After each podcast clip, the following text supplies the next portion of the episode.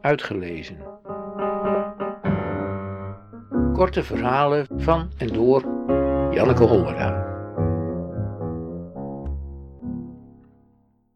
Vergeten of niet vergeten?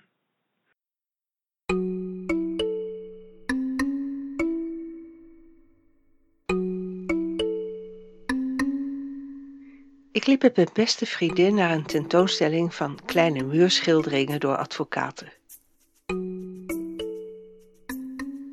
Onderweg belde iemand. Mijn display zei dat het mijn man was, maar het was de stem van mijn moeder. Ik ben al bij je thuis, zei ze.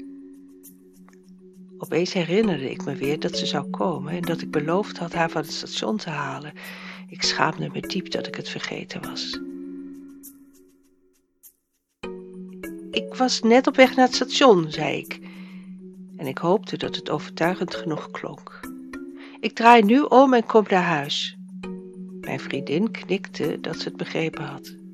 Ik rende naar huis.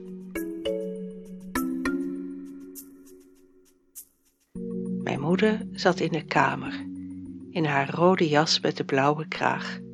Ze was niet veranderd. Ik werd wakker met een schuldgevoel. Hoe had ik mijn moeder kunnen vergeten? Ze was de leukste en vrolijkste moeder die er bestond. Tot ik me realiseerde dat ik haar niet was vergeten. Helemaal niet. Ik geef elke dag de plant water die ik van haar heb geërfd. En dan zeg ik zachtjes: Dag, Bam.